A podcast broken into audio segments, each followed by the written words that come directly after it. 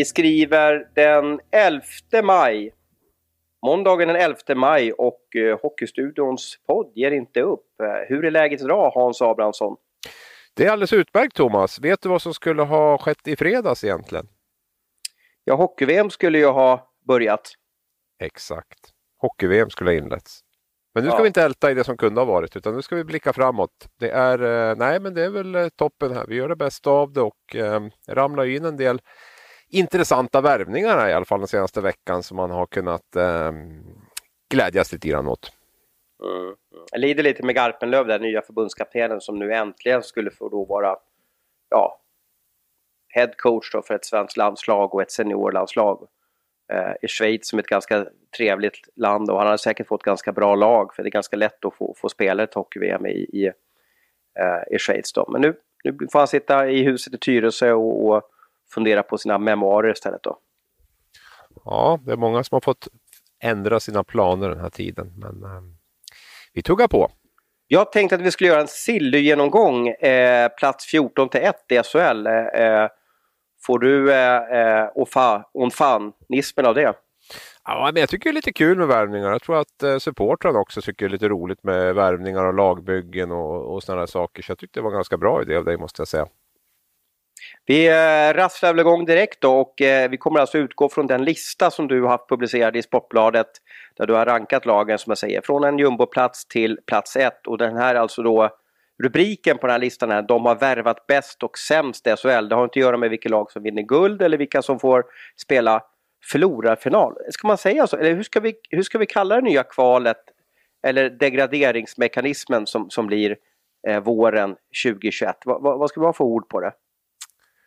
Oj, du är så långt framme nu. Jag, jag vet inte. Vad, vad, ja, men vi måste ju bara sätta ett begrepp på oss. Jumbofinal Jumbofinal. Kan det funka? Ja, och, i po och i potten står ju, i jumbofinalens pott så finns det, det laget som vinner får fortsätta att spela i högsta ligan. Ja, precis. Och det som förlorar åker rakt ut. Det finns ingen fallskärm kvar där längre. Nej, nej. Men vi eh, drar igång direkt. Eh, tid är pengar. 14 plats, alltså det laget som, som du upplever har värvat sämst i SHL hittills då är Leksand. Eh, man har presenterat en värvning och det är Otto Pajanen. Eh, det var tufft av dig.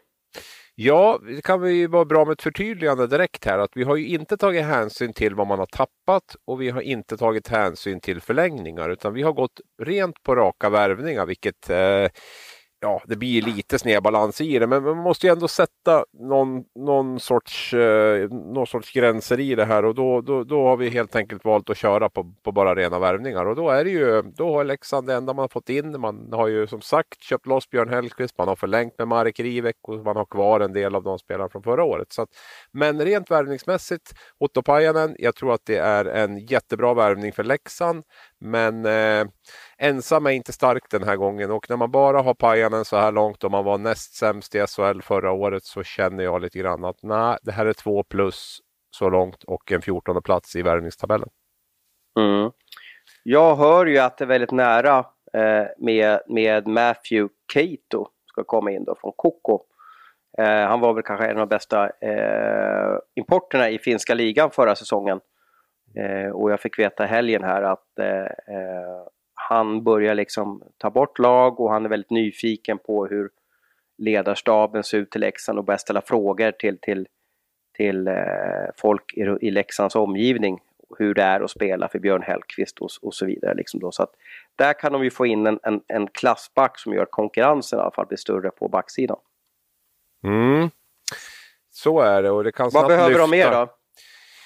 Ja, men det är väl framförallt om man tittar på, på, på centersidan så ser den väldigt stark ut i Leksand. Om vi skulle räkna in Keito då eh, som en back då, eh, som kommer in så ser även backsidan rätt så bra ut. Eh, jag skulle säga att det är lite ytterforwards där som saknas i dagsläget. Titta, det är Oskar Lang, det är Sebastian Wenström, det är Ritola, det är ja, ytterforward för, för de två första kedjorna i första hand skulle jag säga. Och och det, var det, väl... det var det man hade problem med hela förra säsongen, målskyttet där, att de inte hade några som tryckte, till, tryckte dit puckarna. Så att där kanske de behöver någon, någon spetsspelare också. Ja, och så får man väl se hur man tänker runt målvaktssidan där. Och jag vet inte om de är helt bekväma med, med, med Brage och Juvonen, där just den kombon där. Um, båda gjorde det väl bra i perioder där, men jag vet inte om man... tror man letar lite grann efter mer uttalad detta och då är det nog Juvonen tror jag som får flytta på sig. Plats 13 eh, på sillylistan, alltså de lagen som har värvat bäst och sämst då, så har du tryckt dit Djurgården. Jag tycker att den är lite tuff faktiskt. Jag tycker Armalis Eh, fantastiskt eh, namn för övrigt, Mantas Armalis. Tänk om han hette Arm Armolis istället då, men ja, ja, det är som det är. Eh, Tobias Ekberg, ja honom kan jag inte riktigt placera, jag vet inte vad han får uppsida. Linus Andersson tycker jag är en duktig eh, målskytt från Vita Hästen. Eh, och sen har de ju, ja, de har ju tappat Hultström eh, och, och tappat några mer spelare och så vidare. Men men ja visst, vi får hålla isär begreppen. Det är ju inte liksom, du har inte tagit förluster och eh, nyförvärv utan det är bara nyförvärvssidan som du har tagit på. Ja precis, och du har ju dissat både min jumbo och min nästjumbo så det ska bli intressant att veta vilka du vill ha mm. då där nere. För det är lätt ja, att dissa precis. de här lagen mm. längst ner, men man måste vet, placera någon där också. Men, men det, jag tycker det är väldigt bra att du ifrågasätter mig. Det, det gillar jag faktiskt uppriktigt och det är bra. Eh, nej men det är inte så lätt att göra den här, men jag tycker att Mantas Armalis har mycket att bevisa. Lite Niklas Svedberg-läge på honom kan jag tycka efter eh, ja, lite så halvdassiga år i Skellefteå. Med lite, en operation och lite sådana saker. Men inte riktigt. Kommer säkert att bli bra i Djurgården. Men, men eh, lite att bevisa. Tobias Ekberg tycker jag är en habil tvåvägsback. Eh, rörlig, bra med pucken. Det kommer nog att bli helt okej. Okay. Linus Andersson var ju jätteöverraskning i allsvenskan för mig i alla fall. Det var väl de som inte trodde att han skulle ens få ett allsvenskt kontrakt förra säsongen och inför förra säsongen. Och, eh, gick in och, och smattrade in bra med mål där i Vita Hästen. Så får vi se om han är redo att ta ett steg till redan den här säsongen. Det känns väl som en liten sån här billig chansvärvning från Djurgårdens sida. Det man kan säga generellt om Djurgården är väl försiktighet. Det andas försiktighet tycker jag över, över lagbygget där. Backsidan har man ju inte plockat, man har tappat tunga namn som du var inne på i din eh, guldplan Djurgården där med både Olle Alsing och, och Hultström och plockat in Ekberg bara om man har satt Dick Axelsson och Patrik Berglund på vänt um, och, och sådär. Så att det, Joakim Eriksson har tagit det här med coronan och ekonomiska konsekvenserna på, på allvar och, och agerat ganska försiktigt. Vad tycker du att de behöver mest av allt? Är det en eh, skicklig ytterforward eller är det en, eh, en eh, poängback av stora mått? Ja, alltså Både och då, men, men eh, skulle jag vilja säga. Man, det är klart att en back skulle ju eh, behövas in. Nu vet ju inte en frisk Marcus Högström kan leverera över en hel säsong. Där, men, men jag skulle nog vilja säga att man behöver ha in både en back och en, en ytterforward där, eller en forward. Om man nu väljer mellan Berglund och, och Dick Axelsson. Jag skulle ju tro att Dick Axelsson spelar med Djurgården kommande säsong. Så att eh, vi får väl säga Dick Axelsson dock och en, en, en back. Även om det behöver vara en 300 000 kronor i månadens back så bör det i alla fall vara någon som kan, eh, som kan flytta på pucken, vara ett hot i powerplay och, och avlasta Högström lite grann där. Sen får man väl se lite i Djurgården vad som händer exempelvis. Nu blir det väl en så här eh, virtuell draft i, i sommar men man har ju Alexander Holtz där som kanske kan gå topp 10 i draften och eh, då kanske han lämnar direkt för eh, Nordamerika och då behöver man nog se över det ännu lite mer då för han är ju också en relativt billig spelare som man går på rookie-kontrakt.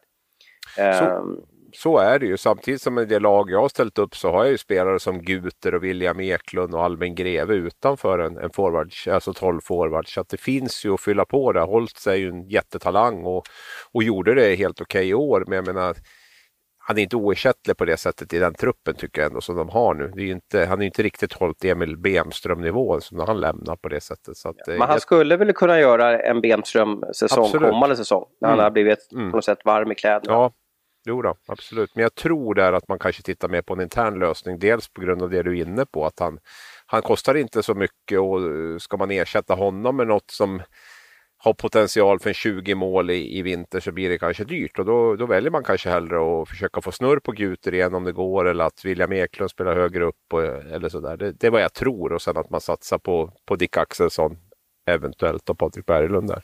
Mm. Som en sista eh, Pontus Åberg skrev jag som en drömvärvning. Hur troligt tror du den är till Djurgården?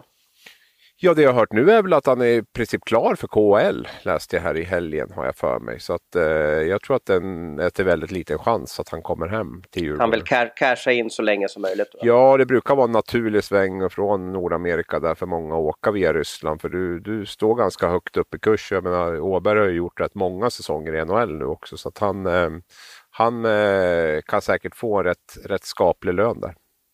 Sen har han ju en speciell familjesituation så kanske hjälper Djurgården i det här fallet då. Eh, han är väl ensamstående far om jag, om jag minns rätt där. Mm. Till en liten, liten, liten gulligt barn. Eh, och det kanske kan hjälpa Djurgården i det här fallet då. Men samtidigt gör man ett år där borta i KHL och kan liksom säkra framtiden lite ekonomiskt. Då är det kanske väl investerade månader som man tar då. Jag vet inte vilket lag som... Har du hört något lag på honom också eller? Ja, nu satte du mig lite klistret höll jag på Nej, men jag såg ju någonting om honom. Jag kommer inte ihåg om det var lag också där, om det var någon av Moskvaklubbarna eller hur det var. Men jag kan väl ta en snabb, snabb kik här på, på våran ypperliga Elite Prospect eh, som man kan passa på att hylla på en gång. Då. Vi ska se om det Otroligt, det är en sån här barndoms, barndomsdröm. Liksom, sådär. Ja, om vi får upp det här. Nu ska vi se, Traktor. Traktor Tjelavinska. Ja, precis. Traktor, det var inte mycket Moskvaklubb över det. Men eh, så kan det bli när det är mycket, mycket i huvudet ibland. Mm. Och för mig är det strunt samma vilken KHL-klubb det är egentligen. Det, det, jag vet att de här som hamnar lite mindre KHL-klubbar kan ha det ganska tufft och trivas och, och, och sådär. Men, men hamnar man i Sankt Petersburg eller Moskva så är det ju liksom nästan till NHL-klass på, på, på väldigt mycket. De har ju, det har ju blivit en ganska stor förändring där borta. Eller, eller Kazan är också ganska eh, trevligt att vara i. Men eh, vi stannar väl inte vid Djurgården då utan vi flyger vidare till, till, eh, till eh, Växjö som du rankade på en tolfte plats i, i värva bäst-listan och de har alltså fått in Jussi Vaino back, i, e-, i e-, Emil Forslund forward och har du Aktell back från Björklöven. Eh, Jussi Vaino kan jag berätta att han var klar alltså i november för Växjö. Mm. Ja, nej, de, han var de ute efter tidigt där och Evertsson Henrik, då, sportchef där i Växjö, har väl varit sett några uttalanden med honom att de vill ha en mer spelande backsida än vad de har haft de senaste åren. Vi satte väl frågetecken för deras backsida i år och det, där fick vi väl rätt då för en gångs skull. Och eh, nu vill man tillbaka. Joel Persson har vi skrivit om redan är klar. Jussi Vainio är också... Men varför skriver vi inte in Joel Persson här då? Vad, vad har du för... Han är inte eh, presenterad. Vad har du för måttstock? Jaha, det är de officiella PM då, precis. Exakt. Ja. Exakt. Om vi säger att eh, Joel Persson hade varit, varit eh, klar nu. Jag såg att eh, eh, Smålandsposten gick ut med längden på kontraktet där.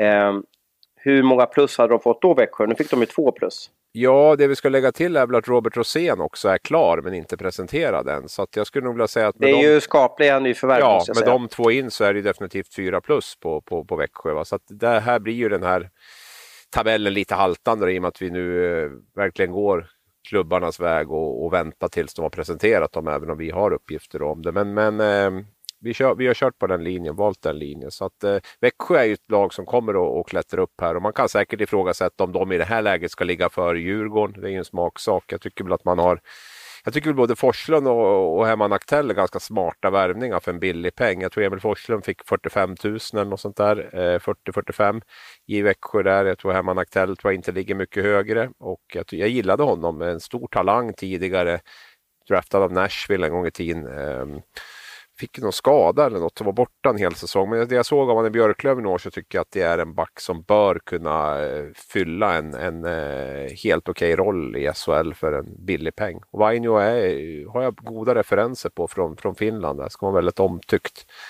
spelare i, i, i, i, laget och tvåvägsback. Kanske lite mer defensiv till och med än offensiv. Men, men, eh, men en, en gedigen tvåvägsback.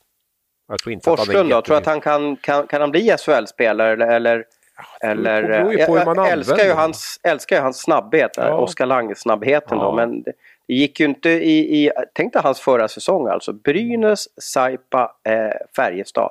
Det är fyra klubbar på ett år nu. Ja, Emil Forslund var ju en sån spelare som Magnus Sundqvist hade haft i Tingsryd. Så det var väl lite hans värvning och han tog med honom upp här. Och sen när Sundqvist fick sparken så, så försvann ju Forslund ganska snabbt ifrån Brynäs också. Eh, jag, jag kan ju gilla när det finns någonting som sticker ut hos en spelare. Att det liksom är antingen ett skott eller fart eller eh, teknik eller, eller tacklingsspelet eller någonting. Jag tycker Forslund har ju en, har ju en spetsegenskap i sin, i sin fart. Sen, sen måste han ju bli bättre på att förvalta målchanser. Och det är klart att en del har ju, hur mycket de än tränar så kommer de inte att bli målskyttar. Men, men om han kan liksom sänka farten lite grann just i, i avslutningsskedet med, med klubb och allting. Det känns som att allt går i 110 nu. Va? Och, ehm, och, och, och där kan Växjö få dem till det så tycker jag att det är en användbar spelare. Jag tycker han är duktig i boxplay också. Eh, och sådär. Och sen till den prislappen så tycker jag att man måste ju ha sådana spelare i fjärde kedjan till det där priset om man ska ha råd och, och kunna krydda på lite uppåt där. Så därför tycker jag att det är en redan idag en, en, en användbar SHL-spelare som, som kan bli betydligt bättre också om man får rätt coachning. Mm, mm. Vi får se. Jag tycker han är sevärd i alla fall med sin underbara skridskoåkning och det måste vara jobbigt att vara back och möta honom när man vet om att det går så fruktansvärt fort där. Men det, igen, det får vi se eh, hur, hur de lyckas ta hand om honom. Sen gäller ju att ge honom rätt roll också, att inte slänga ner honom i en fjärde kedja utan, utan vill man att han ska producera så måste han ju få, få möjligheter eh, till det. Vi flyger vidare till eh, Örebro som kanske varit det eh, mest häftiga eh, silly season-laget hela den här säsongen. Jag tänker på Kovacs Gate mitt under säsongen. Jag tänker på eh, det som vi ska prata om lite senare i podden med deras målvakts eh, eh karusell här under året. Och, eh, men i din ranking så är de på plats 11. De har fått 3 plus, det vill säga ett mer plus än, än de övriga lagen. Eh, bekräftade värvningar Emil Larsson från Luleå och Jonas Enroth från Klagen för tidigare Minsk. Sedan har ju vi berättat att Robert Leino från Ilves eh, är klar eh, och så vidare. Jag vet inte när han presenteras och vad det hänger på. Jag kan tänka mig att Örebros, eller SHL-klubbarnas marknadsavdelning vill ha lite att tycka till om det här. För det, man kanske vill presentera en spelare i samband med att man gör en, ett nytt eh, biljettpaket eller någonting sånt där för att skapa lite bass runt det hela. Eh, vad krävs för att Örebro ska studsa upp på, på värvningslistan då? Emil ja. Larsson eh, spelar ju landslaget, Jonas mm. Enroth eh, har vunnit VM-guld. Mm. Ja, och får ju tre plus så det är, väl, det är väl bra. Vi ska väl lägga till att de tog in två gånger Robin där sent förra året med Robin Kovacs och Robin Salo också då, om vi ska, ska lägga på dem. Men det, de räknas ju inte in här men det är också i princip två nyförvärv då som, som, som kommer in till, till den här säsongen. Men, nej, men Örebro skulle väl behöva spetsa till i första hand eh, en första center där. Jag vet inte hur man tänker riktigt med Ryan Stoa där om, om, om det är han man går på eller om man tittar på kanske en sån som Patrik Berglund, aktuell för, för Örebro om det inte blir något spel i i Djurgården där. Det är ju inte så långt mellan Västerås och Örebro och han och sportchef Niklas Johansson har väl någon typ av Västerås connection. Där, ja, ja tack för den connection. Ja, precis där och, och så då. Men, men eh, nej, men jag tycker väl 3 plus. Sen är det ju ganska jämnt där runt, runt 3 plus lagen där, så det, kan, det är väl inte mycket en smaksak. Men jag, jag hade väl Örebro sist i den där tabellen när bara Emil Larsson var presenterad. När Enroth kom in då så, så höjde jag upp dem lite grann och flyttade upp lite i tabellen. Sen är jag väl lite lite kluven till den enrotvärvningen på, på tre år då, det kan jag väl säga. Men, men man kan väl inte ta ifrån honom att han bör under säsong ett så bör han ju vara en målvakt på den övre halvan om vi säger så då, i, i bland SHL-lagen. Så det är väl en det är väl en bra värvning om man ser bort från längden kanske och även till viss del prislappen. Eh. Robert Leino är inte presenterad. Han gjorde 43 poäng för Ilves eh, förra säsongen. Hans poängbästa säsong eh, i liga någonsin. Kan du något om honom? Och jag vet att du skickade, eller om du retweetade, någonstans har sett att du har gett in det lite det här. Om en spelare gör x antal poäng i Finland, vad kan man hoppas att den gör i Sverige då? Ja, det var väl Better than a Monkey va? Eh, som, som eh, Twitterkontot Better than a Monkey som, ja. som hade en som jag tyckte stämmer ganska bra överens med den känsla jag har. Nu är ju känsla inte så mycket att komma med i, i vetenskapens värld och, och, och sådär och lägga fram. För, för känsla är väl inte sådär jätteinne 2020. Men jag som inte är någon akademiker på det sättet eh, går ju en del på känsla fortfarande. Försöker ta hjälp också av, av lite statistik och så. Men, men, Leino eh, gjorde 43 poäng då. Vad, ja. vad, vad, vad ska Örebro-fansen hoppas på? Eller vad, vad, är, vad, är, vad är rimligt att han gör? Ja, men jag skulle nog säga att det ligger runt 25. Kanske uppåt ja. 30 i bästa fall. Mm, eh, mm. Där någonstans skulle jag gissa på att det, att, att det hamnar. Jag skulle inte säga att jag ville halvera finska ligans poängskörd med den svenska, men, men någonstans ehm, eh, ja, en bit över en halvering då, om vi säger så. Att man gör kanske 70, 65, 70 procent mm. av, av mm. poängen skulle jag gissa på, tippa på. Så det, det Ty, en... Tycker Örebro har ett väldigt intressant lagbygge på gång i alla fall. Om de kan få rätt utveckling på Emil Larsson och Kovacs liksom få lugn och ro. Och ja. sådär. Så att det, jag tycker att de, det, det, det vore kul om de fortsatte på sin eh, utvecklingskurva och uppdateringskurva och, och blir liksom 3,0 och, och hamnar extremt högt upp i serien. Så de var väldigt nära att göra den här serien. Sen dippar de lite under 2020 där. Ja, sen där tror jag att det är lite oroligt runt ekonomin. Där. Örebro tillhör mm. inte klubbarna som har det största egna kapitalet eller den högsta likviditeten heller för den delen. Va? Så då, då, blir man ju sårbar när det, när det är den här typen av situationer som är just nu. Va? Att det, det är och ja, relativt dyr trupp och haft ganska dyra trupper genom åren också. Men, men eh, Örebro var ju överraskningslaget förra säsongen och, och eh, får man bara lite lugn och ro där och, och liksom alla drar åt rätt håll. Jag vet inte om det är lite många kockar där nu led, på ledningsnivå och, eh, och så där så, så kan det säkert bli, bli bra på isen också. Men, men eh, lite osäkert känns det som. Och, eh, mm. Plats 10 har du IK Oskarshamn då. Eh, det är ju det laget som eh, i SHL har värvat på sig mest. Och, och ja, kanske inte bäst då, men de har i alla fall, kan man, kan man kalla för att de har länsat eh, framförallt Björklöven på Björklövens spets. De har, jag ska dra lite snabbt. Kim Rosdahl från Modo, Olofsson från Modo, Jo Kanäta, succémålvakten från Björklöven, Cooper, succébacken får man väl säga från Björklöven. Eh, Nolan Sajak kommer tillbaka, han har varit i Norge. Sen har Oliver Larsen från Björklöven också. Sen har vi Kim Strömberg från Koko. Fantastisk eh, klubbnamn för övrigt, Koko. Och sen har vi eh, Tjeckien Adam Janusik, back från Pilsen. Underbara eh, klassiska, eh, klassiska hockeynamn där. Kladno, Pilsen och Litvinov och, och de här. Eh, de har, jag vill inte säga att de har öppnat plånboken men de har, de har länsat Hockeyallsvenskan på mycket godis. Ja, de har inte visat någon hänsyn direkt mot sina tidigare kollegor i, i allsvenskan. Där, Men det är ju så här näringskedjan är. Jag brukar få skit när jag säger så. att det, de, de bästa i finska ligan väljer KHL eller SHL. Eh, de bästa i Hockeyallsvenskan väljer kanske Finland eller, eller SHL då. Eh, det blir ju så. Alltså lagen mm. får ju bygga nytt. Och de bästa från kanske SHL då, eh, de väljer KHL eller NHL då.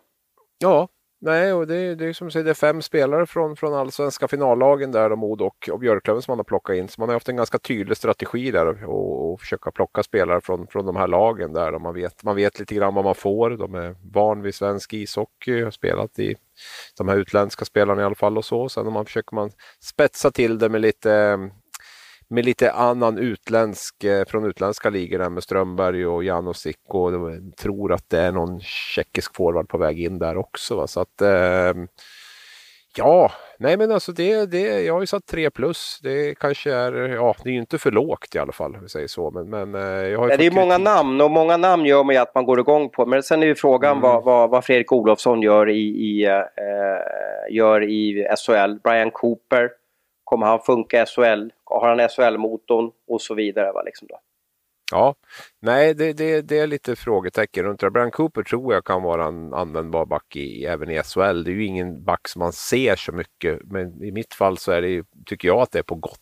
På gott. Alltså det är som en domare som, som är bra, som inte syns. Då är han bra. Va? Och jag tycker Cooper är lite likadan. Han väldigt funktionell back, rörlig, bra första pass, duktig att följa med upp. Eh, Nej, så jag, jag, jag, tror att han kan, eh, kan bli nyttig i. Jag tycker det är en smart värvning. Kanada blir också spännande att se. Det blir en helt ny roll för honom här nu med, ett, mhm.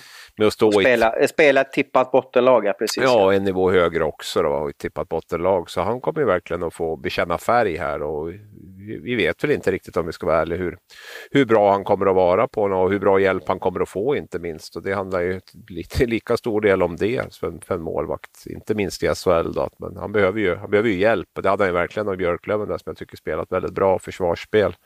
Mm. Så det, blir, det blir lite nytt och Kim Strömberg har jag väl Ja, en del positivt, en del negativt om. Det jag har gjort min research där. Det är ju en skicklig spelare, väldigt speciell karriär. Har väl egentligen, ja det var den här säsongen nu, han 32 eller något. Det var den här säsongen i, i Finland som han gjorde eh, 50 poäng, stort sett i Koko. De flesta är ju bra i Koko, det ska man ha klart för sig. Det är han gamla JVM-förbundskaptenen, åh nu tappar jag namn, ah, Ahokas hette han så tror jag, som, som var där, eh, som är i Koko där. Och de spelar ju väldigt disciplinerat, det är väl lite grann ehm, lite grann eh, Finlands Luleå åt det hållet lite grann i alla fall. Då. Många som gör det bra där, eh, som lyckas. Och Strömberg har ju varit en offensivt skicklig spelare. Eh, inget snack om saken. Duktig med puck och sådär. Kanske inte den eh, allra största lagspelaren vad jag, vad jag hör liksom från mina kontakter där. Då. Men, men, men eh, har, har skills och eh, kan säkert tillföra en del till, till Oskarshamn där.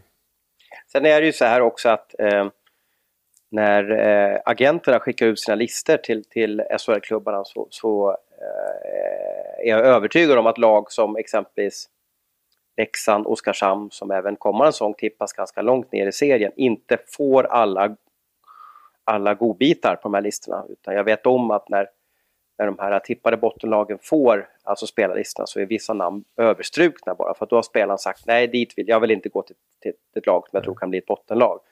Och, Strömberg har ju valt att, att sälja, han har kanske har valt, nu, nu har jag gjort en bra säsong och jag, må, jag vill casha in. I bästa avtalet, jag, jag åker dit. Liksom. Mm.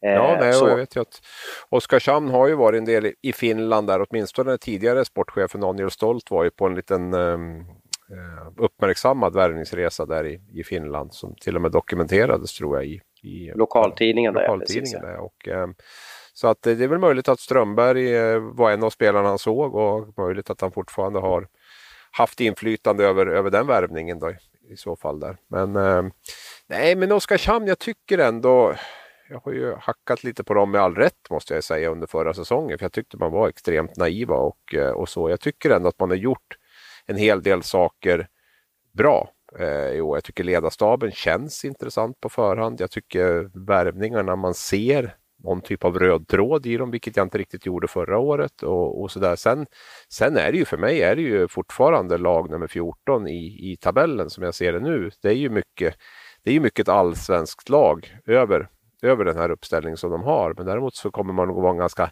jämn lagmaskin som, som kommer att tugga på. Och kan Kanada komma upp skapligt och liksom stå 30 matcher och Tex som kan göra det bra i 22 så, så har man väl ett målvaktspar också som, som, som bör hålla rätt så hyggligt i SHL och sådär. Så att jag, jag, tror inte att det blir någon, någon munsbit för dem. Det ska bli spännande att se Martin Filander också där som, som huvudtränare med hjälp av eh, Jakobs. Eh, så att, eh, nej, men jag tror, jag tror att Oskarshamn kommer att täta till bottenstriden ytterligare den här säsongen. Alltså tre amerikaner, en kanadik, en dansk, en finländare och en slovak i laget. Då. Mm. Eh, Sen är det mycket hur... svenskt i övrigt då ska vi lägga till där. Då, med, mm. så att det...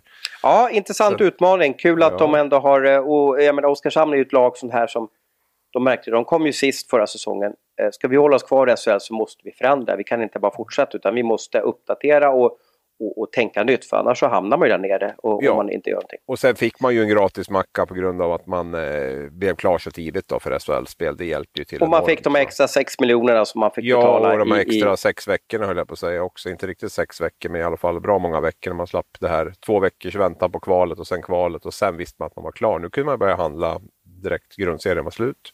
Mm. Nionde plats så har du ja. Brynäs om, om min lista stämmer framför mig. Helt och de har alltså värvat Kristoffer Berglund från Riga, eh, Viktor Andrén, för detta guldmålvakt från Växjö, eh, talangfulle Tom Hedberg eh, från Modo och Adam Pettersson forward från Skellefteå. Eh, vad behöver de få in då för att de ska få ett fjärde plus här?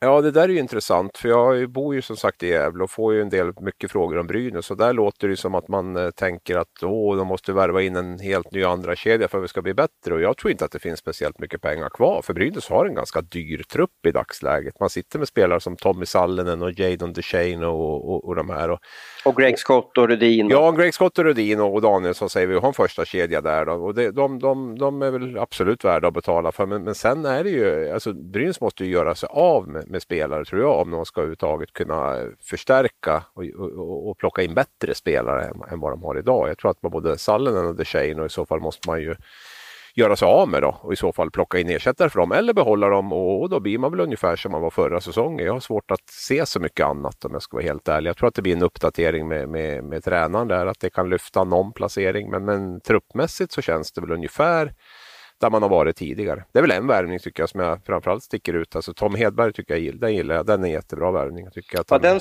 vann de ju också om man kallar för det mot ganska många andra SHL-lag. Eh, jag vet inte om det varit en budgivning eller om det bara var, var Sundlövs magiska fingrar eller om det var Peter Anderssons hockeyfilosofi. Men, men det var ju många lag som ville ha Tom där.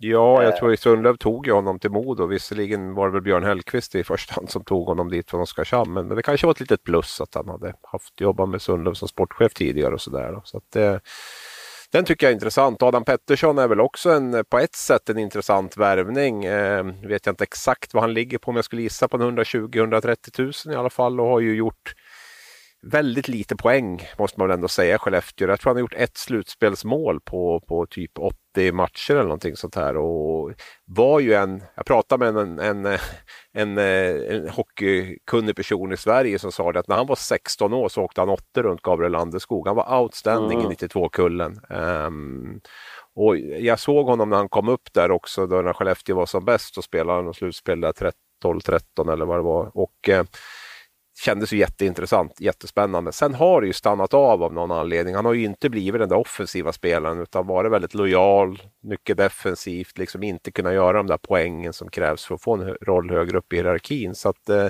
det är klart att Brynäs hoppas ju naturligtvis på att, på att eh, det ska lossna lite mer för honom offensivt här nu. Han kan ju spela både center och ytterforward och eh, men det är klart, ligger han där han ligger poängproduktionsmässigt här på 125-130 000 då kanske det är lite mycket pengar tycker jag. Men klart, får han ett lyft, kan producera lite mer så då, då kan det ju vara välinvesterade pengar. Plats 8. Skellefteå. De har värvat Jonathan Jonsson från Modo, poängkungen. Arvid Söderblom, eh, talangfulla målvakten från Tingsryd Frölunda. Oskar Nilsson, superbacken från Oskarshamn och Tyler Morley, forward från Tappara. Um, jag tycker att det är helt okej okay värvningar där. Ja. Jonsson har ju testat på SHL tidigare men inte liksom riktigt fått det att funka. Nu har han hämtat ny kraft där och, och gjorde en fantastisk säsong förra året. Uh, Tyler Morley, vad kan de om honom? Jag kollade upp honom här förra veckan, fick väldigt positiva rapporter om honom. Det var så här doldisvärvning som, ja, bara, som ja, inte kom ut och tror... bara small till där liksom. Ja, jag skickade några sms till Finland och tänkte att det blir väl kanske lite sådär halvdant. Men nej, det var, det var, det var flaggan i topp där från ett par stycken faktiskt som tycker att det är en... Han är ju liten, eh, mm, ganska tunn, mm. men, men väldigt kan man, kan man säga en Brook Little-spelare? Ja, den här är väl lite mer spel skulle jag vilja säga. Det är lite mer center det här. Eh, mm. så, att, så på det sättet skulle jag nog inte jämföra honom med Little. Men, men, jag tänkte eh, längden var ganska identisk oh, där. Det, det, så, så kan man väl säga. Men alltså helt okej okay helt okay åkning men eh, bra spelsinne, bra i powerplay. Fram, dessutom en väldigt omtyckt spelare i laget. Eh, vilket inte är någon nackdel om man har även det andra så att säga där. Eh, det, man kan inte värva en kille bara för att han är en, en bra kille. Men, men eh, ska tydligen vara väldigt eh, laglojal trots sin individuella skicklighet och sådär. Så det, Han var ju lagkapten på college ser jag här så att då, det är ju ja. ett, eh, det är ju ett eh, hans senior year, alltså sista året, så var han lagkapten och det är väl ett, eh, en bekräftelse för att det är a good guy. Ja men exakt. Har inte du till och med gått college va? Nej, high school har jag gått. High school var det, förlåt. Ja. Ja, du Men du vet i alla fall att det krävs lite för att... Eh, för ja, och det finns väldigt många ledarfigurer där borta ja, också ja, som man tampas med. Så att, så att, Nej, så men bra, eh, bra referenser där. Och jag, jag har ju varit lite gnällig på Skellefteå centersida de senaste två åren är det väl egentligen. Tyckt att inte, jag har inte fått någon riktig riktig puls av det här med, med Olimb och Pajet och, och vad det har varit man har plockat in där. Jag egentligen sen Per Lindholm sagt. Nu tycker jag Jonathan Jonsson, vi vet ju inte riktigt eh, hur det kommer att gå. Jag tror, får han spela med Möller och Lindström så tror jag definitivt att det kan vara en, en, eh, en bra SHL-center.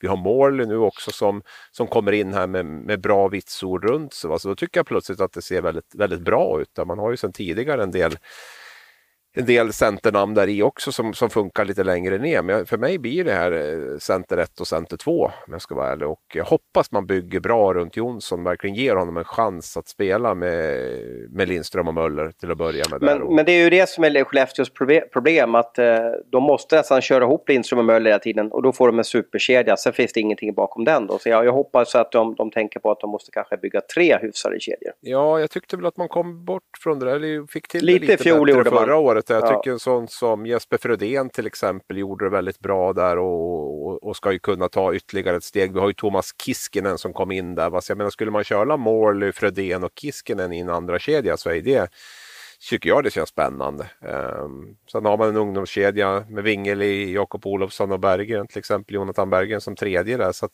ja, Skellefteå kanske... Det är väl dags för några av dem kanske dra till NHL då. Hur blir det med NHL till nästa år? Tänk vad mycket ovisshet det är nu då. Alltså hur vill Detroit plocka över Berggren? Jag tror att det är Detroit som äger honom om jag minns rätt där. Mm, alltså det, är, det är ju väldigt många frågetecken. Uh, jag hoppas att det inte blir jättekonstigt här i augusti eller sent i september att NHL plockar över lite spelare. Men det får vi se. Det, man ska veta i alla fall att det är dags för en del eh, talanger som har varit i Sverige att åka över. Och i NHL så är det en sjuk ovisshet. De har ju inte ens bestämt sig för om säsongen är över, den här säsongen. Nej, och jag tänker att det kanske talar för SHL-klubbarna den här gången. Att eh, vill man åka över verkligen, om det är så pass osäkert som det är, om man är 19-20 år, då kanske man hellre sparar och kör ett år i, i SHL till. Va? Så mm, att, mm.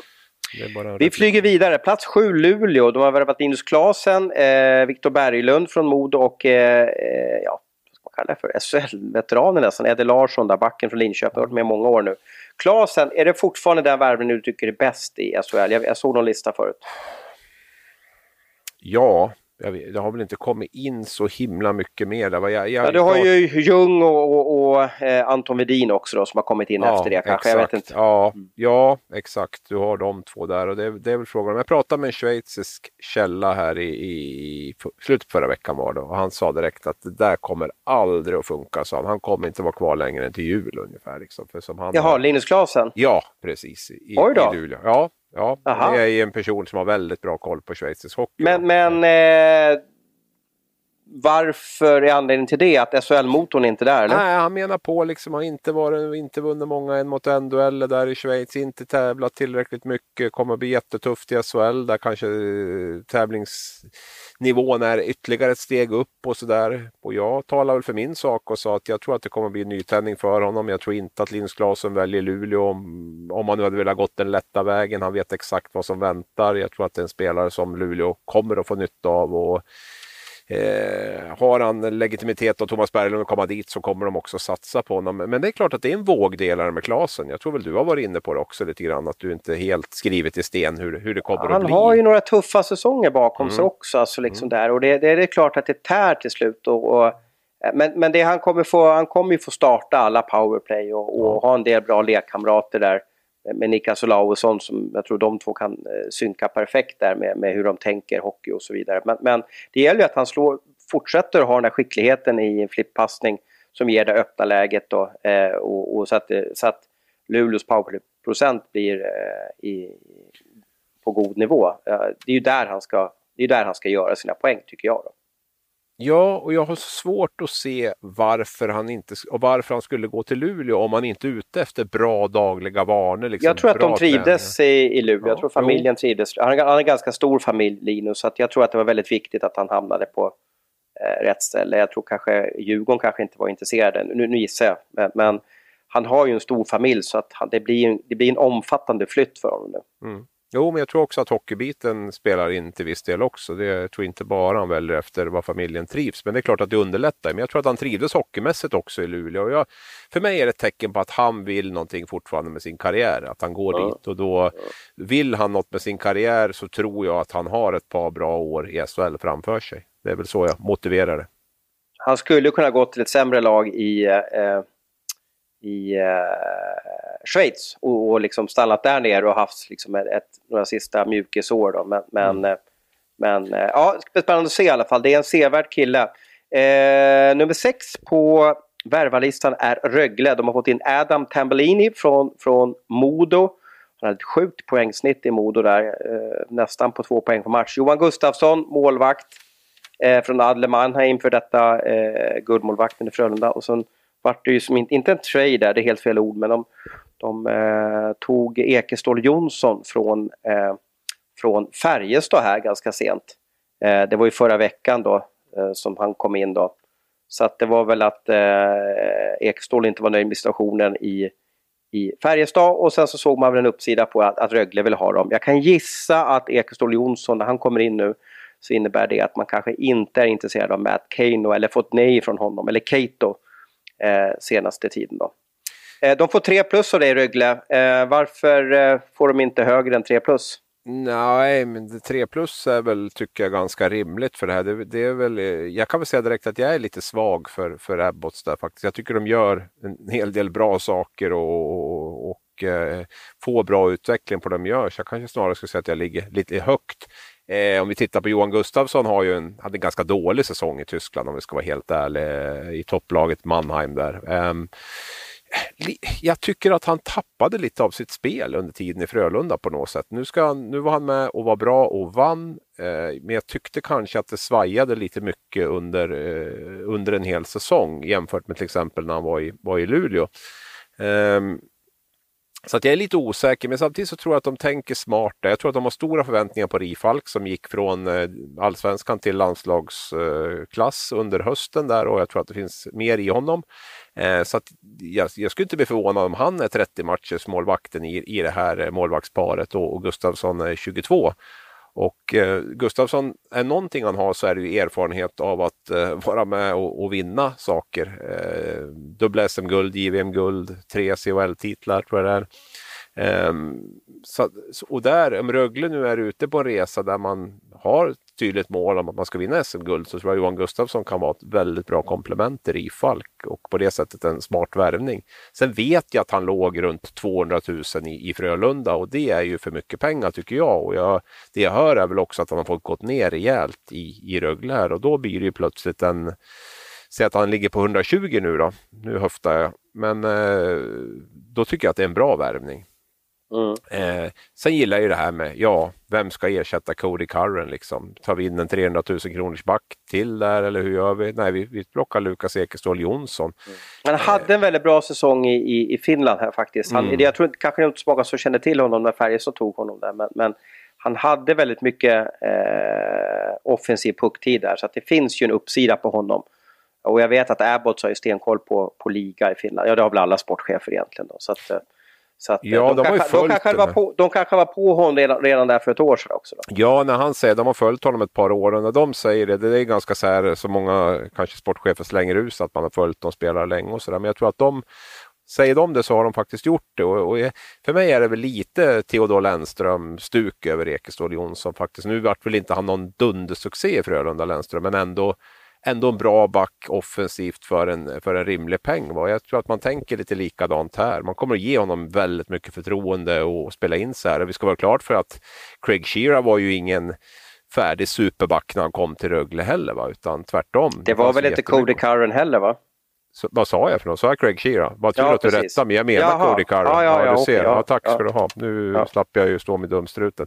Det var ju inte Cody Curran när han kom, definitivt inte från, från, eh, från Norge. Där. Så det, det var han jag skulle jämföra med. Eh, så att, och det är det jag är ute efter lite grann. Har du en, en klubb, ett lag med utveckling i så, så går det ju att göra bra spelare av bra grundmaterial som inte är färdigt än. Och det är väl där jag tycker att Rögle befinner sig någonstans och gör saker. Sen tycker jag Adam Tambellini är en eh, bra värvning, framförallt när han kommer ner dit eh, med lite transatlantisk styrning och man vet man vet, eh, vet hur man ska, liksom, vilka tips man ska ge honom för att ta nästa steg här för vad som krävs i SHL och så vidare. och så vidare. En rolig anekdot med Adam Tambellini, det var någon som sa att det är väl den mest, nordamerika eller den mest svenska nordamerikan jag har jobbat med någon gång. Ehm, eller varit i samma lag som ska vi säga då. Och, eh, så att han, är, han är väl väldigt akklimatiserad också om jag har förstått det rätt där med, med landet. Så nej, men jag tycker att jag tycker att sen fattas det lite grann där. De ska in i första center och jag blir inte förvånad om, om de eh,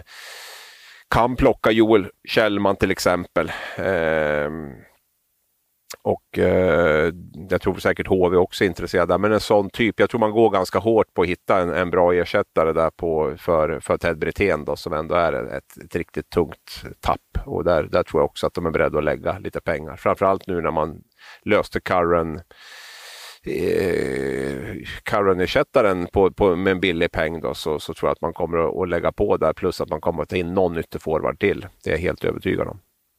Plats 5, HV71. Eh, de har värvat eh, en duo från Karlskoga, Fredrik Forsberg, eh, bror till Filip Forsberg.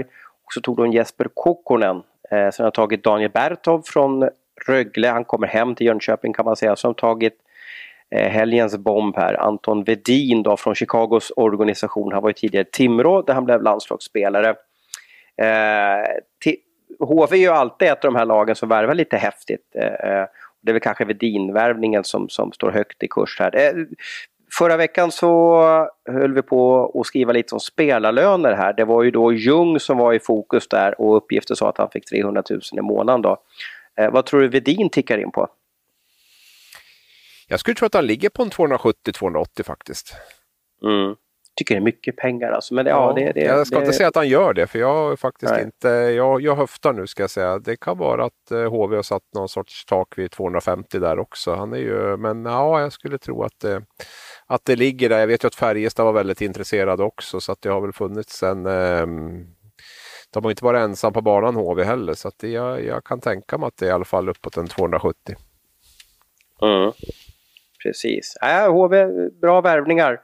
Eh, Karlskoga är också då den där eh, sköna plantskolan som bara skickar ut duktiga spelare. Vi får se nu, Fredrik Forsberg, han fick aldrig till det i, i Leksand där. Men han har ju ett fint skott. Jag tycker han hittade också hans eh, sweet spot i powerplay. Han stod och nöp hela tiden där uppe från mm. cirkeln. Mm. Eh, och får han de här möjligheterna, och det är ju här vi pratade om Martin Törnberg, kommer du ihåg det för någon vecka sedan, mm. eller två veckor sedan. Och det, var, det, är ju, det här är ju för att hjälpa Fredrik Forsberg också, bort med Törnberg och så får Forsberg kanske upp mer i hierarkin och så vidare. Så det här är ju en naturlig eh, generationsförändring och, och kanske på en treårsplan om nu Fredrik Forsberg tar sig till NHL eller KHL, då har ju HV tänkt helt rätt. Att de valde att ge nytt ungt blod speltid. Absolut, så är det. Sen var väl kanske inte Törnberg någon aspirant på de två första kedjorna som det har sett ut de senaste åren. Utan hans Nej, men det är, någon som kanske ska, det är någon som ska konkurrera, förstår jag menar, va? med mm. hierarkin och så vidare. Va? Jo då, absolut. Och jag menar, ska man ta in Fredrik Forsberg här nu, det hoppas jag att HV gör, så hoppas jag verkligen att han, att han får en roll, en offensiv roll, få spela i powerplay, få spela med bra spelare. Och sen får man väl se hur långt det bär då, men att han i alla fall får en riktig chans att göra det han är bra på. Och det, jag skulle bli förvånad om inte HV tänker så. Sen är det ju tufft att ta in både Kokkonen och Forsberg då, som är ju för mig två väldigt offensiva spelare. Ehm, men tänker man inte en duo där då? Tänker man inte ett paket? Ja, men samtidigt har du ju, jag menar, du har ju en hel del bra forwards där redan som, som de ska konkurrera med. Om man ska spela dem ihop så innebär det att de ska spela i första eller andra forwardspar då, om man nu inte är en tredje kedja. Man kan ju spela en tredje kedja också. Ihop jag, med. jag kan tänka mig att de är en tredje kedja och sen mm. tar de in Forsbergs spetskompetens i andra PP kanske. Någonting. Ja, det låter bra. Det faktiskt, jag har inte mycket att tillägga där. Eh, nummer fyra är Malmö. Eh, de har tagit eh, eh Västerholms eh, tvillingarna Eh, de var ju senast i Locco och innan dess så var de ju i eh, Frölunda. Och sen har de tagit Marcus Lauritsson back från HV71 och Oliver Lauritsson back från Jokerit. Jag vet att Oliver var det många klubbar som var, var ute efter. Eh, här har du slängt på, lassat på redan hela 4 plus då. Eh, jag trodde ju Malmö skulle gå mot en istid här efter eh, de tappat eh, eh, ja, bland annat eh, San Jose fick ju en duktig forward från Malmö som jag försöker hitta namnet på. Från Björbo, vad heter han? Hjälp mig nu. Händemark. Händemark, Fredrik Händemark har ju tappat och som var kanske en av SHLs bästa spelare så att de har ju lite att, att, att fylla där. Eh, varför är du så extremt nöjd med, med Sylvegårds jobb hittills? Ja, det är en relevant fråga faktiskt. För jag kan väl sitta och klia mig lite i huvudet här och känna att det här kan nog ha blivit lite högt. Va? Eh, samtidigt, det, blir, det slår väl lite snett för tittar man totalt på, på värvningarna bara så, så kan jag väl eh, köpa fyra plus med, med viss tvekan. Det är mellan tre och fyra. Men tittar man på truppen i stort så, så känns det väl inte så där jätte... Men det är ju två olika saker. Ja, precis. Men jag tycker väl, jag tycker väl att Tvillingarna Västerholm, absolut i en andra kedja det kan absolut vara på, på den undre halvan av tabellen så är det två, två rätt gedigna spelare ändå, det måste jag säga. De, du får ju en färdig andra kedja i stort sett med, med, med dem där. Va? Eh, Marcus Lauritsen gillade jag väldigt mycket av det jag såg i HV. Tyckte han tog jättesteg den här säsongen, även om jag såg vissa tendenser redan året innan att det är en skicklig back. Eh, Oliver Lauritsen är ju hans bror då och eh, det är klart att han kommer ju betyda mycket för Malmö. Det är ju en spelare med en extremt stor karisma och, och pondus och, och sådär. Så att han kommer ju att han kommer göra de andra modigare och större, så är det ju. Sen beror det lite på vilket typ av lag Malmö ska vara, men jag tror inte att man kommer att spela ut något lag i vinter, utan man kommer nog att vara ett ganska Sylvegård har ju pratat om det här när jag pratade med honom senast, att man vill tillbaka lite grann till att vara det här lite tuffare och lite, lite o, ja, hårdare lag att möta och där passar väl Lauritsen in väldigt bra. Då. Det är ju en eh, extremt fysiskt tuff back som även är skicklig skridskoåkare och, och bra med pucken där. Så att, eh, det är väl fyra ändå bra värvningar på den här nivån måste man säga. Viktor Backman, eh, kollat upp honom lite grann. Han har varit i Schweiz nu några år och sådär. Spelat mest i liga B, varit upplånad till Zürich ibland. Eh, individuellt ganska skicklig. Eh, lite tuffare kanske när det blir väldigt strukturerat och eh, ska hållas efter spelsystem, men lite ojämn. Men eh, kan en tredje center kan absolut vara, kanske kan komma upp i 25 poäng där. Så att det Malmö behöver in framförallt är ju, är ju en första center där som några andra klubbar också är ute efter. Det, det, det är där det, det, fattas lite grann tycker jag och eh, kanske eventuellt också en ytterforward till. Men eh, ja, jag har väl varit jag skulle väl inte sätta högre betyg än fyra. Jag, jag tycker Malmö nästan varje år är svårtippade. Jag, jag vet mm. inte varför. Det, det, det, så. Eh, bronsplatsen går till Färjestad. Man har värvat Jakob Petersson från Frölunda, Olle Lycksell från Linköping, eh, Jesper Eliasson, eh, tredjemålvakt Växjö, Henrik Haukeland, målvakt Koko, Jakob Nilsson, kanske den stora profilvärvningen då från Rockford Icehog, alltså Chicagos organisation. Och så har man tagit JVM-backen. Var det tre JVM på Ginning eller två? Eller hur många han har med där? Två var det väl i alla fall? Ja, precis. Jag tyckte han har känts som att han har JVM i hundra år i alla fall. Då. Ja. Eh, som varit utlånad från Linköping, den vita hästen och nu, nu ska han försöka bli bättre back under Peter Popovic ledning. Fyra plus får eh, Färjestad och det är ett bra betyg. De har ju värvat väldigt namnkunnigt och så vidare men de har ju tappat extremt mycket också där med, med Marcus Nilsson och, och och Linus Johansson och, och sådär. Så att det, det finns ju hål att fylla där.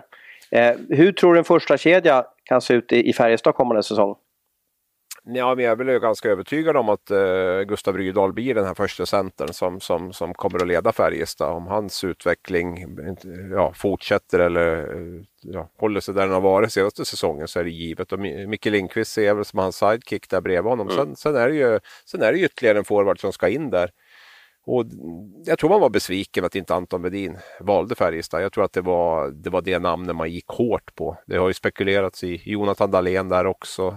Um, man vill ju ha in någon, någon, någon producerande ytterforward och det är väl det hålet som är kvar att fylla egentligen. Jag tycker Färjestad har eh, byggt ganska smart måste jag säga. Jag tycker Haukeland är en bra värvning. Jag tror att det finns mer att plocka ut av Haukeland än, än, även fast han är bra redan. Arvid Holm tyckte jag var ett jättebra förra säsongen redan. Bra målvaktspar med andra ord.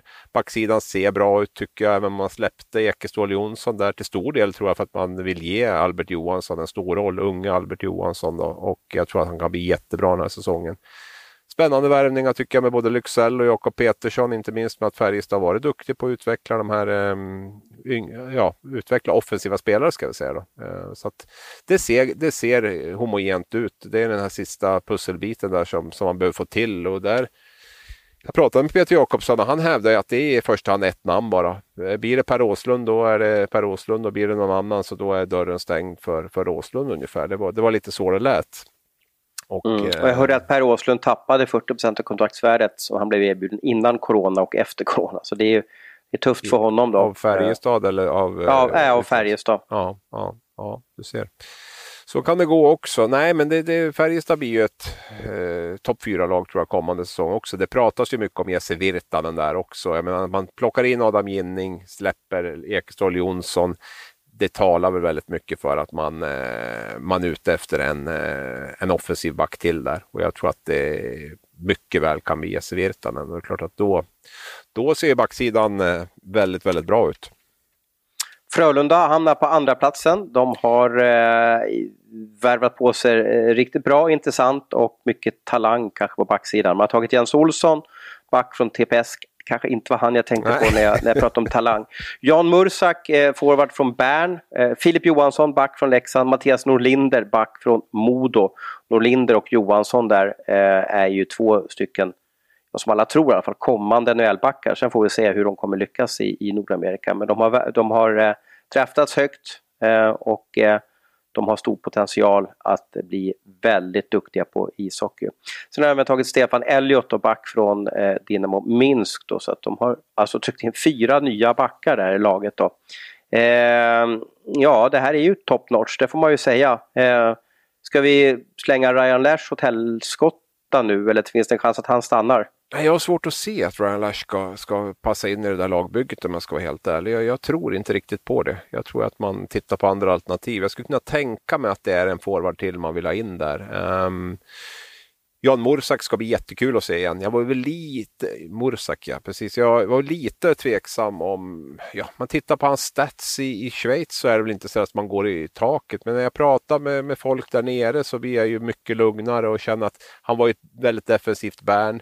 Eh, Kari Alonen, eh, tränat, fick inte alls den roll han skulle ha. Lite andra fiolen i powerplay, spelade en del ytterforward och sådär. Så att han säger om det, han kommer att bli bra och det vi såg av honom när han var i Frölunda sist var, var imponerande. Så jag tror att det kan bli en riktigt bra värvning. Johan Sundström har ett år nu i SHL, bör bli bättre av det. Så att, eh, nej, men Frölunda, Frölunda blir ju bra. Så är det ju och jag tyckte det var lite obalans i lagbygget förra året. Jag tror att man kan få ihop det lite bättre den här säsongen faktiskt. Vi fick ju inte riktigt facit på förra säsongen. Det är det som är lite synd. Vi ska inte böla efter det. De, de vann ju Champions Hockey League.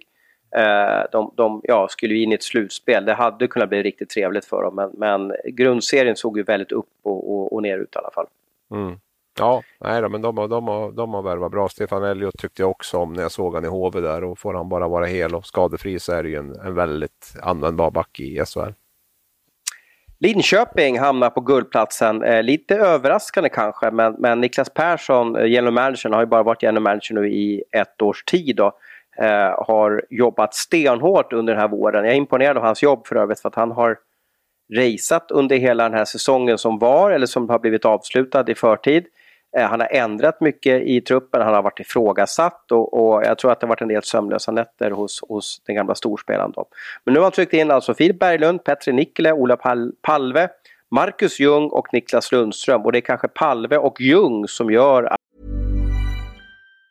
Life is made up of many gorgeous moments. Cherish them all, big and small, with Blue Nile. Whether it's for yourself or a loved one, Blue Nile's unrivaled selection of expertly crafted fine jewelry and statement pieces help make all your moments sparkle. Blue Nile's experts are on hand to guide you, and their diamond guarantee ensures you get the highest quality at the best price. Celebrate a life well lived in the most radiant way and save up to 30% at BlueNile.com. That's BlueNile.com.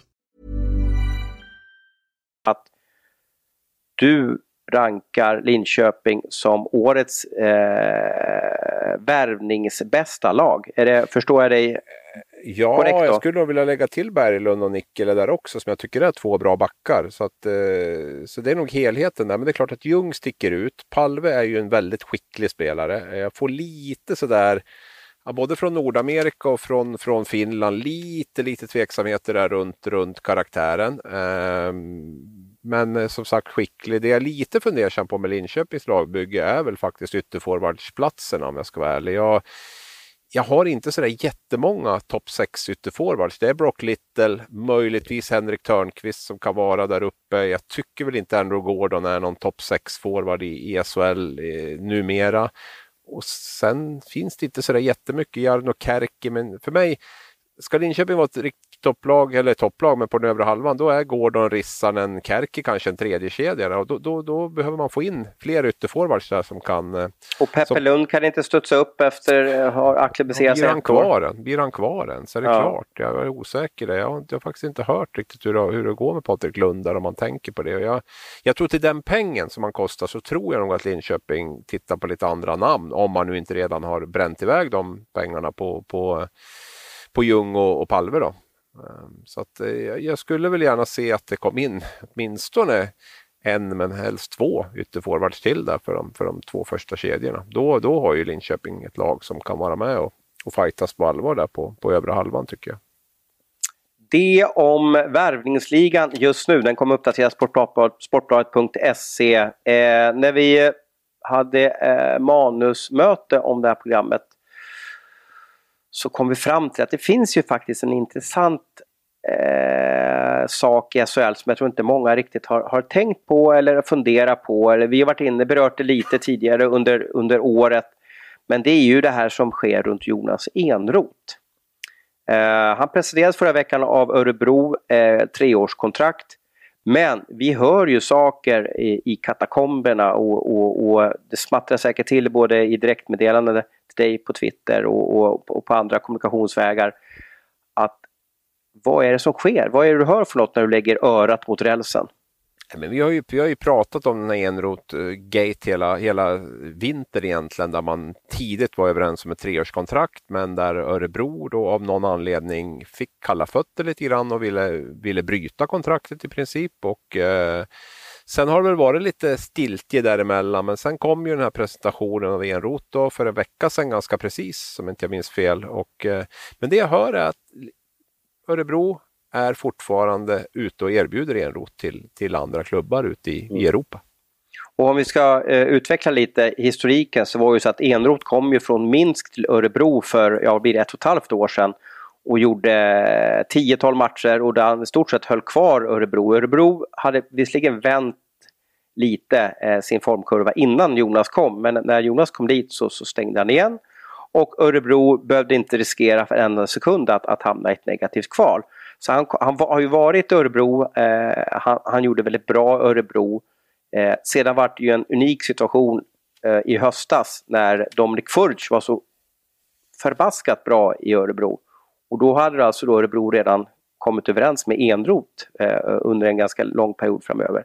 Den är ju inte så rolig. Där är ju nackdelen när man gör som Örebro. Man tog Emil Larsson, Kovacs och Enroth ganska tidigt. Och sen då när målvaktssidan, målvaktsstaben är ju så speciell. När den målvakt man har värvat och, och har utgående kontrakt med är kanske, ja, ska vi säga att han var topp tre i SHL? Är, är, är, det, är det en korrekt eh, beskrivning av Furch eller? Ja, det var väl i stora delar i alla fall. Var han och Lindvall och, och, och, och Will där kanske då? Jag tror att det påverkade honom den här hösten han gjorde och han hörde ingenting från Örebro. Det fanns inget intresse och han undrade väl vad är det som, som händer? Vad ska jag göra för att, liksom bli, för att de ska vilja ha kvar mig ungefär? Och sen mm. tror jag att han tappade lite stundtals under, under våren. Eh, tappade lite sitt spel. Men jag skulle vilja säga att han, ja, han, var, han var där uppe. Definitivt potential att vara en topp tre målvakt i, i SHL. Och, vi påstår alltså då att Jonas Enroth fortfarande shoppas ut av Örebro eh, och att klubben kanske undersöker möjligheten att, att ha en annan eh, målvaktsstad till nästa år. Vore det inte helt bisarrt om det i augusti kommer ett pressmeddelande att, att Enroth är, är klar för en ja, klubb i Schweiz eller, eller Österrike eller Tyskland? Ja, på två sätt. På ett sätt är det ju uppseendeväckande, på ett annat sätt så, är det ju, så stämmer det överens med den, de uppgifter vi har haft hela tiden. Men det är ju inte länge sedan som Luleå, eller Örebro gick hårt på, på att försöka få Joel Lassinantti till, till, till klubben. Va? ja, det gick ju så långt att de var nästan gå ut och dementera att han inte kommer spela Örebro kände jag. Så att säga. Det, har jag, det har jag inte varit med om heller. För ibland brukar man vilja tycka att det är lite trevligt om det blir huggsexa av spelare. Mm. Ja, nej, jag tror att det blev mycket ståhej runt det där runt Lassinantti och Luleå och Örebro och det här. Så att när jag när vi pratade med agenten där och ville höra senaste nytt om Luleå, så fick, om Örebro menar jag, så fick vi ju en, en väldigt kraftig dementi där om, om det kändes ju som att man ville skicka ett budskap, absolut. Det, det är inget snack om det. Och, eh, ska jag göra någon amat amatöranalys av situationen i Enroth så får jag liksom en känsla av att sportchef Niklas Johansson har gjort klar den här affären med Enroth eh, tidigt. Och att kanske inte klubben riktigt har varit med i svängarna och sen sett att oj, nu har vi en målvakt här på tre år till en ganska hög kostnad och i det här läget dessutom när det är när det är lite corona och, och, ekonomin deras kanske inte har varit på topp heller och man känner att det här, det här blev lite väl dyrt och därför har man nog eh, gett tillbaka order att det här är, får du nog försöka lösa på något sätt. Det här har vi nog inte råd med ungefär. Så att eh, jag tror att det är där vi är lite grann. Det blir väl ännu tydligare när man hör de här signalerna nu också att det fortfarande verkar som att man undersöker möjligheten att, att hitta en annan klubb. Och jag, jag vet inte hur Enroth känner heller, hur, hur välkommen han känner sig liksom när, när det blir de här spekulationerna som har varit hela vintern. Jag vet inte om han känner sig superbekväm med, med Örebro heller, ska vara helt ärlig. Mm, mm. Eh, vi får väl se hur det, hur det slutar där. Eh, det är ju intressant i alla fall när det är så kända namn. och så vidare som du har att göra med. Eh, nu har ju Dominic Furch signat för, för Sochi så att nu kan de ju inte ha honom som andra serve heller utan då får de leta nytt då. Men du har ju en sån som Joni Orts gör ju på marknaden eh, och skulle ju säkert eh, kunna spela för Örebro kommande säsong. Men då tycker jag ändå Enroth är en bättre målvakt. Då. Men det, det är mycket, det är mycket backs for the bang där så att vi får se hur de, hur de tänker. Eh, eh Frölunda skickade pressmeddelande precis nu, såg du det? Nej, missat. Berätta. Eh, Anders Burström är klar som ny Ja, assisterande tränare. Ja, det Ja. spekulerades ju här på förmiddagen om att han var, det var en, en, något sajt eller Twitterkonto som jag har glömt namnet på som, som Ja, avslöjade den nyheten. eh, Så precis, jag såg det. Men, men eh, Sitting tuff, eller någonting. tufft, för, eh, tufft för Modo va?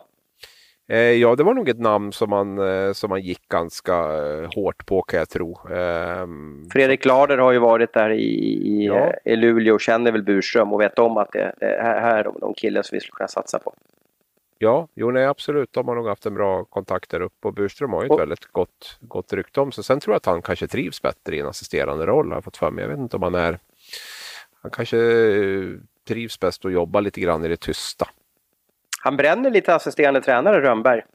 Ja, den där diskussionen finns ju där hela tiden och det är, alltså jag har sagt det hela tiden. Jag tror att ska man vara på, på toppnivå så är det, kan det vara ganska tufft ibland. Och samtidigt så har han ju, han har ju inte skickat dem till avgrunden direkt, sina assisterande heller, utan de har väl snarare tagit ett steg i, i karriären. Lundskog försvann till Davos och Per Johansson fick sitt drömjobb som, som utvecklingsscout eller vad man ska säga i Robert Olsson blev huvudtränare i Djurgården. Eh, Fick Stråle sitt drömjobb också? Tre år, ja, han fick i alla fall treårskontrakt med Brynäs så han ska tydligen bygga hela det offensiva spelet med puck där också. Så det är ju ett stort förtroende. Så att, eh, det verkar vara en bra plantskola. Claes Östman är i SUG nu och, och, och kör där. Kom till Linköping före det. Så det verkar vara en bra, verkar vara en bra plantskola. Nej, men jag kan, jag kan tycka... Och att alltså- Burström väljer ett bottenlag då som Frölunda. Ja, precis. Ja, exakt. Det var ju lite kul. Eh, nej, men sen vill jag bara lägga till också. Jag, jag kan ju tycka att jag blir lite trött på det där också. För, för alla vet ju, eller de flesta vet ju hur Rönnberg är. Man får väl liksom gilla läget lite grann när man går dit. Man kan inte säga att man blir överraskad heller. Han är ju påslagen. Det är ju lite som att jobba med dig ungefär. Att det blir, alltså han, eh, han brinner för det han gör och han vill liksom att det ska bli bra. Och blir det inte bra så drar han ett varv till och då han kan väl vara skitjobbig säkert ibland. Men jag tycker Mm. också att det, det Jag tycker inte häftigt, undgå när, eftersom han, han var alltså lagkapten de sista fyra åren där som spelare i Luleå, så väljer han då. Det, det har varit sån härlig rivalitet mellan Luleå och Frölunda. Mm. Och nu går han till Frölunda och, och ja, blir Rogers eh, polare där. Nu Ja. har ju Roger en stark Luleå-förknippning också. Men det är, det är spännande när det händer grejer då. Han kanske inte har fått något erbjudande av Luleå heller va? Det kan ju vara så att de inte har, har liksom kommit med något till honom. De har ju gått med Kyrre och Strid där uppe så att eh, han kanske Kanske kände att nej, men vill de inte ha mig så, och, och Frölunda hör av sig, då går jag väl dit. Mm, mm, mm. Ja, spännande. Mm. Du, bra tuggat idag då, 11 maj. Vi brukar inte podda så här sent men eh, det händer ju så lite hockey där ute så vi, vill, vi vill, tycker att vi vill förgylla hockeyälskarnas vardag. Att de får en timmes liten underhållning på, på powerwalking. Jag gick i powerwalk i morse förut måste jag säga. Och det är som att folk tittar sig ner, eller tittar inte på varandra. Det är, tycker nästan otäck stämning där ute. Jag, jag vet inte hur du känner i Gävle om allt är som vanligt men, men det är, som en, det, är som en, det är som en blöt disktrasa över hela världen just nu.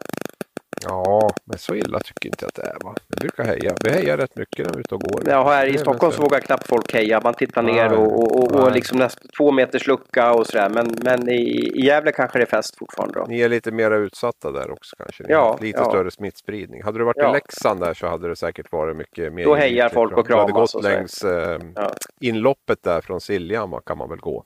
Inte det? Ja, Där är precis. Med älven, ja precis. Ja, precis. Så är det. Du, bra Ja. tuggat Ja. och, och, och bra och, och din lista där var riktigt trevlig att gå igenom. Eh, Och, eh, ska vi köra en vecka till eller ska vi ta, eh, ska vi ta sommarlov eller vad säger du? Nej, men vi, vi små måste väl tugga på liksom så, och köra så att vi, vi, vi Och ta marknadsandelar.